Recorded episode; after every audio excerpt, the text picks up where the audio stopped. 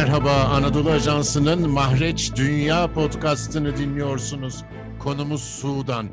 Afrika'nın özellikle Türkiye için önemli ülkesi Sudan'da onlarca yıllık Ömer el-Beşir rejimi halk ayaklanmasıyla sarsılmış askeri darbeyle son bulmuştu. Ülkeyi seçime götürmek için siviller ve askerler ortaklaşa bir hükümet kurdu. Ama geçen ay askerler başta başbakan olmak üzere sivil hükümet ortaklarını devirip hapse attı. Bu müdahaleye karşı sokak protestoları tüm ülkeye yayıldı. Sonra birden generaller o sivillerle tekrar anlaşma yaptı. Ömer Erdem, başkent Hartum'daki Anadolu Ajansı muhabiri.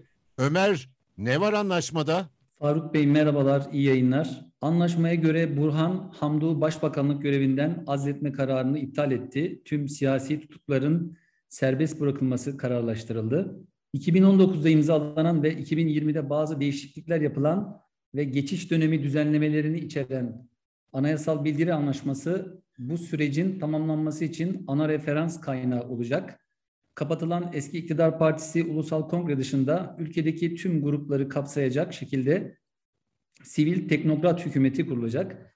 İktidarın seçilmiş sivil hükümete belirlenen tarihte teslim edilme teminatı var ki Temmuz 2023'teki seçimlerin akabinde bunun gerçekleşmesi bekleniyor. Askerin başında olduğu ve devlet başkanlığına eşdeğer konumdaki konseyinin e, geçiş döneminde yürütmeye doğrudan müdahale etmeden denetleme görevini üstlenmesi ve birleşik ulusal bir ordu kurulması için çalışılması, parlamentonun ve yargı organlarının oluşturulması, Yargıtay Başkanı ve Başsavcı atanması suretiyle geçiş dönemindeki tüm kurumların tamamlanması hedefleniyor. Daha önce imzalanan anlaşmaların geçerliliği ve uluslararası topluma verilen sözlerin tutulma taahhüdü gibi 14 madde yer aldı siyasi mutabakatta. Bu maddelerden parlamentonun kurulması oldukça önem arz ediyor. Zira İsrail ile normalleşme, Rusya'nın Kızıldeniz'de askeri üs inşası gibi birçok anlaşma meclisin onayının ardından yürürlüğe girecek. Başbakan Hamduk ve bazı yöneticiler serbest kaldı. Hamduk görevine iade edildi. Hükümetin işlevsel hale gelmesi bekleniyor mu? Sudan'da 25 Ekim'de askeri darbeyle görevden alınan ve ev hapsinde tutulan Hamduk ordu ile varılan anlaşma sonucunda yeniden başbakanlık görevine dönmüştü. Hatırladığımız gibi ordu ile sivil liderler ve eski isyancı gruplar arasında varılan mutabakat Hamduk'un teknokratlardan oluşacak yeni bir kabine kurmasını ve bütün siyasi tutukluların serbest bırakılmasını öngörüyordu. Ancak e, şu ana kadar bazı bakanların da aralarında olduğu 9 siyasetçi serbest bırakıldı muhalif kaynaklara göre yüzden fazla isim hala içeride.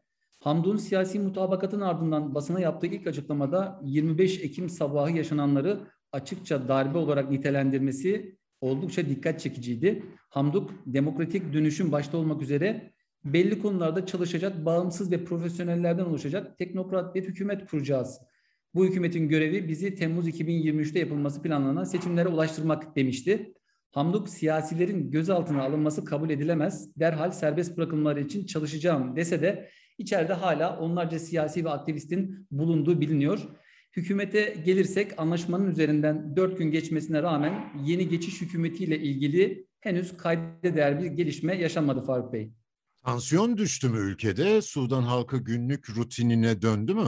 21 Kasım'da imzalanan siyasi mutabakat otorite boşluğunu ve belirsizliği bir nebze ortadan kaldırmış olsa da tansiyon henüz düşmedi.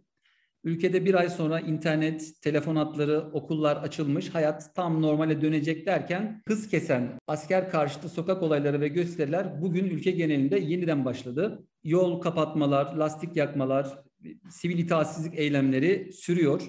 Göstericiler net bir şekilde askerin 25 Ekim ve sonrasında aldığı tüm kararların iptalini ve yönetimi bir an önce sivillere devretmesini talep ediyor.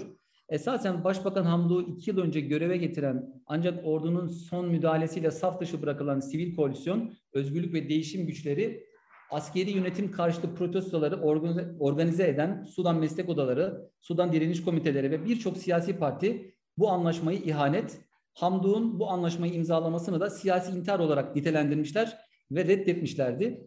Askeri darbe karşıtları anlaşmanın iptali ve askerin kıçlaya döndürülmesi için barışçıl tüm yöntemlerin kullanılmasını istemiş, direniş ve gösteri çağrısı yapmıştı. Ve e, bu çağrı üzerine de ülke genelinde bugün büyük gösteriler başladı ve devam ediyor.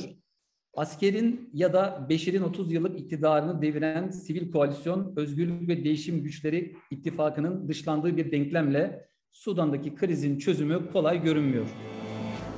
Sudan'ın başkenti Hartum'daki arkadaşımız Ömer Erdem'e teşekkür ediyorum. Bizi hangi mecrada dinliyorsanız orada abone olmayı lütfen unutmayın. Hoşça kalın.